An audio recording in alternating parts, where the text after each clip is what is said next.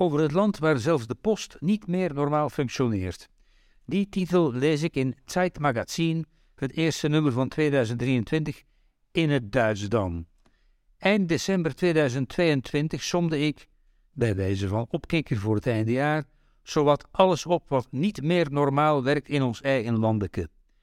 De lijst van de Duitse medewerker Harald Martenstein, een satiricus die ik graag mag lezen, lijkt bedrieglijk goed, op mijn droevige lijsten. Maar hij voegt er iets aan toe, mede omdat hij zijn stuk schreef na nieuwjaar. Ik citeer: Op sommige dagen wordt politie en brandweer in de straten van Berlijn opgejaagd als hazen. Ze zijn blij als ze na hun werkdag nog in leven zijn. Op oudjaar brandt het bij ons hier en daar in de grote steden, maar wees niet bang, men raakt eraan gewend. Einde citaat. Begin januari kon je in Duitse kranten vette koppen lezen als Silvesterchaos, oudejaarschaos. Dat alles is zeer herkenbaar, niet enkel met oudjaar trouwens. Een voetbalwedstrijd van het wereldkampioenschap waarin de leeuwen van de Atlas briljant spelen volstaat. Een wedstrijd die de fabelachtige Marokkaanse ploeg helaas verliest, al evenzeer. Een uitslaande brand, een verkeersongeluk, de aanblik van iets dat ook maar in de verste verte zweemt naar een uniform, blauw of wit, geel of oranje, doet er niet toe. Telkens opnieuw lijkt het tomeloze woede naar boven te woelen. Of anders verkeersplannen die de idiote naam Good Move meekrijgen, maar de omwonenden tot wit hete razernij opzwepen en onoverbrugbaar verdelen in twee elkaar hatende kampen, elk strijdend, niet zelden gewelddadig, voor het eigen grote gelijk. Jongeren in de Brusselse straten trekken steeds gezwinder hun mes. Wie nu zou denken dat ik het hier enkel en alleen over Brussel heb, dwaalt. Er is Antwerpen, er zijn andere steden en stadjes in België, er is Parijs, vooral de banlieue, er is Berlijn, er zijn andere Duitse en Franse steden en stadjes. Wie andere steden in nog andere landen kent, mag die er rustig, nee juist zeer verontrust aan toevoegen. Spuwen, duwen, slagen en verwondingen, kasseistenen gooien of blikjes vuurpijlen afschieten op hulpverleners en verrotschelden, dat klinkt toch een beetje realistischer dan verbale agressie of gewoon alles in je buurt kort en klein slaan. Het neemt hand over hand toe.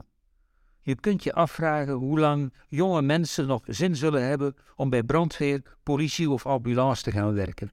Anders geformuleerd, hoe lang jonge mensen nog bereid zullen zijn zich te laten besmeuren, voor rotte vis uitmaken, afranselen, verwonden. En er is al zo weinig personeel, wegens te weinig geld. Terzijde, dus moeten de belastingen dringend omhoog, vooral voor onze rijkste medeburgers, lees mijn verhaal van 11 december 2022. Bij de jongste voetbalrellen in Brussel en Antwerpen is het duidelijk wie herrie schopte. Jeugdige Marokkanen.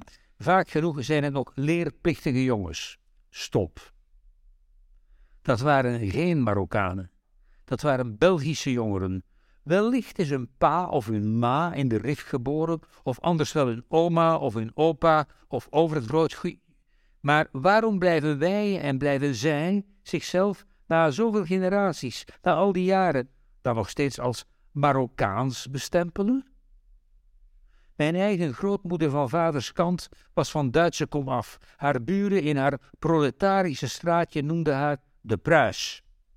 Maar mij noemt niemand nog Mof of iets vergelijkbaars.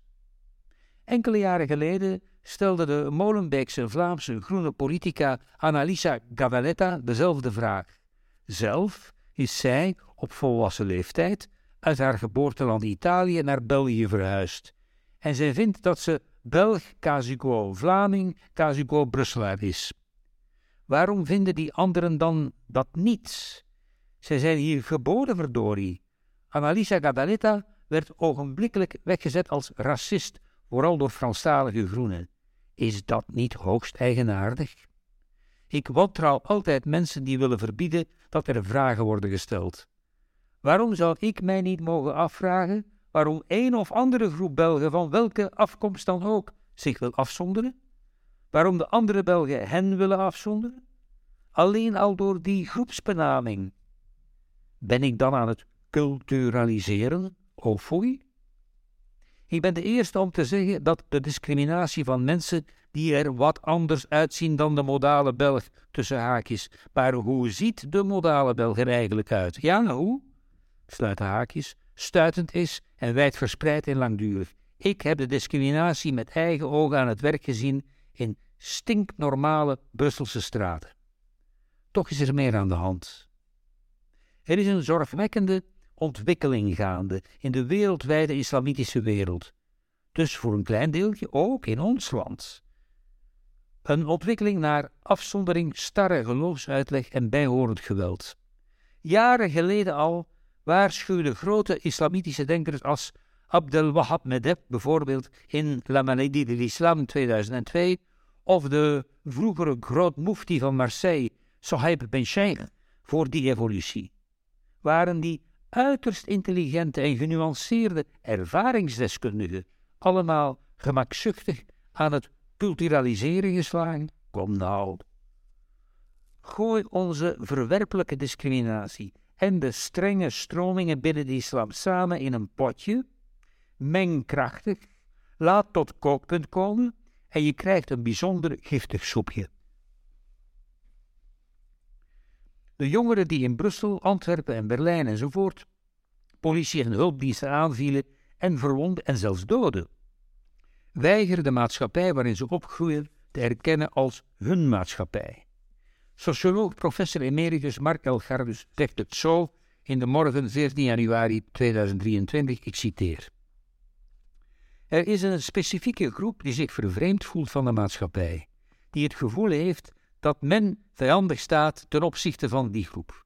En dus staan zij ook vijandig tegenover de rest van de samenleving en de overheid in het bijzonder. En wie vertegenwoordigt die overheid nu beter dan mensen in uniform? Einde citaat. Dus, de flikken en de pompiers en de mensen van de spoedhulp die met een grote ijver en toewijding hun plicht doen, zijn kop van jut voor de gehele gehate samenleving. Zij krijgen de volle laag. De integratie wringt aan alle kanten, al jaren. Steeds meer bommen barsten, dat ontkent niemand. Waarschijnlijk, nee, heel zeker. Veel meer nog dan we te weten komen.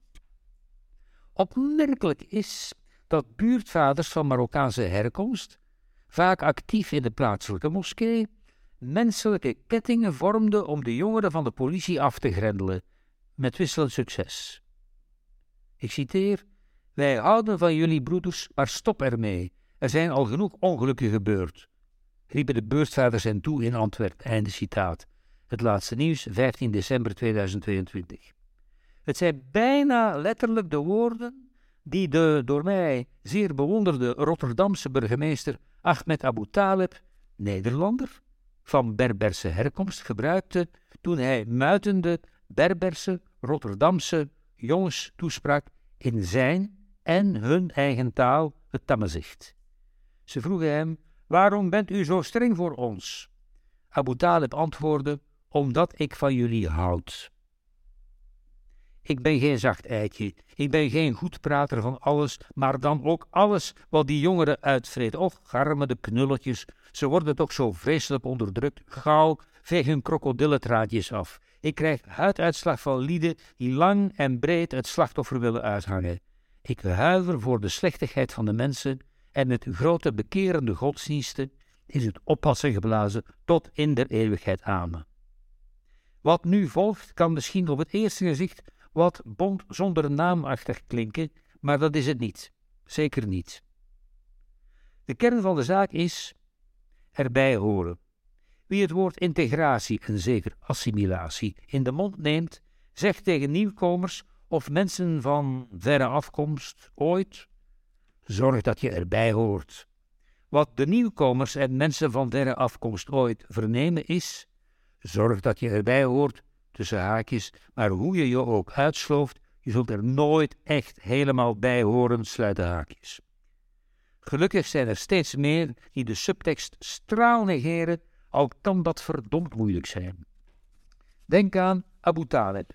Denk aan de betreurde maar veel geprezen Nederlandse dichter Hafid Bouazar.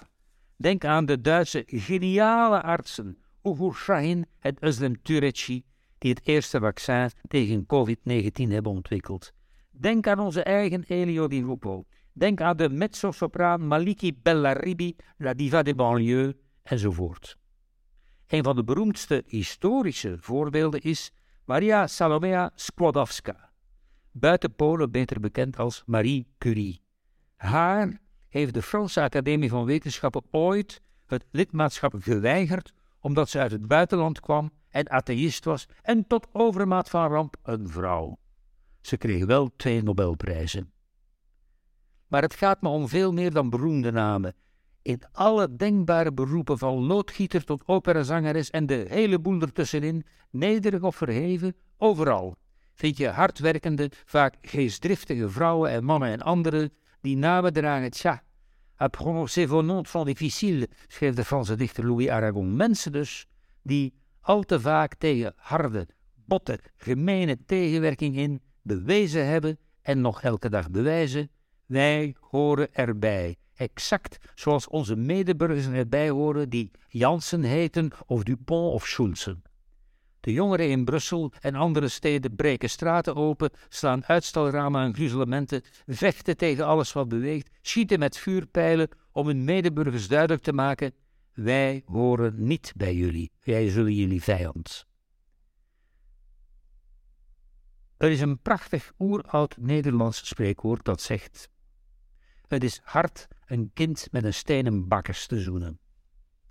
Wie en wat de boel versteend heeft, Daarover verschillen de meningen. Eén ding weet ik zeker: als je stenen tegen elkaar slaat, vallen er brokken. Laten we dus proberen met zoenen.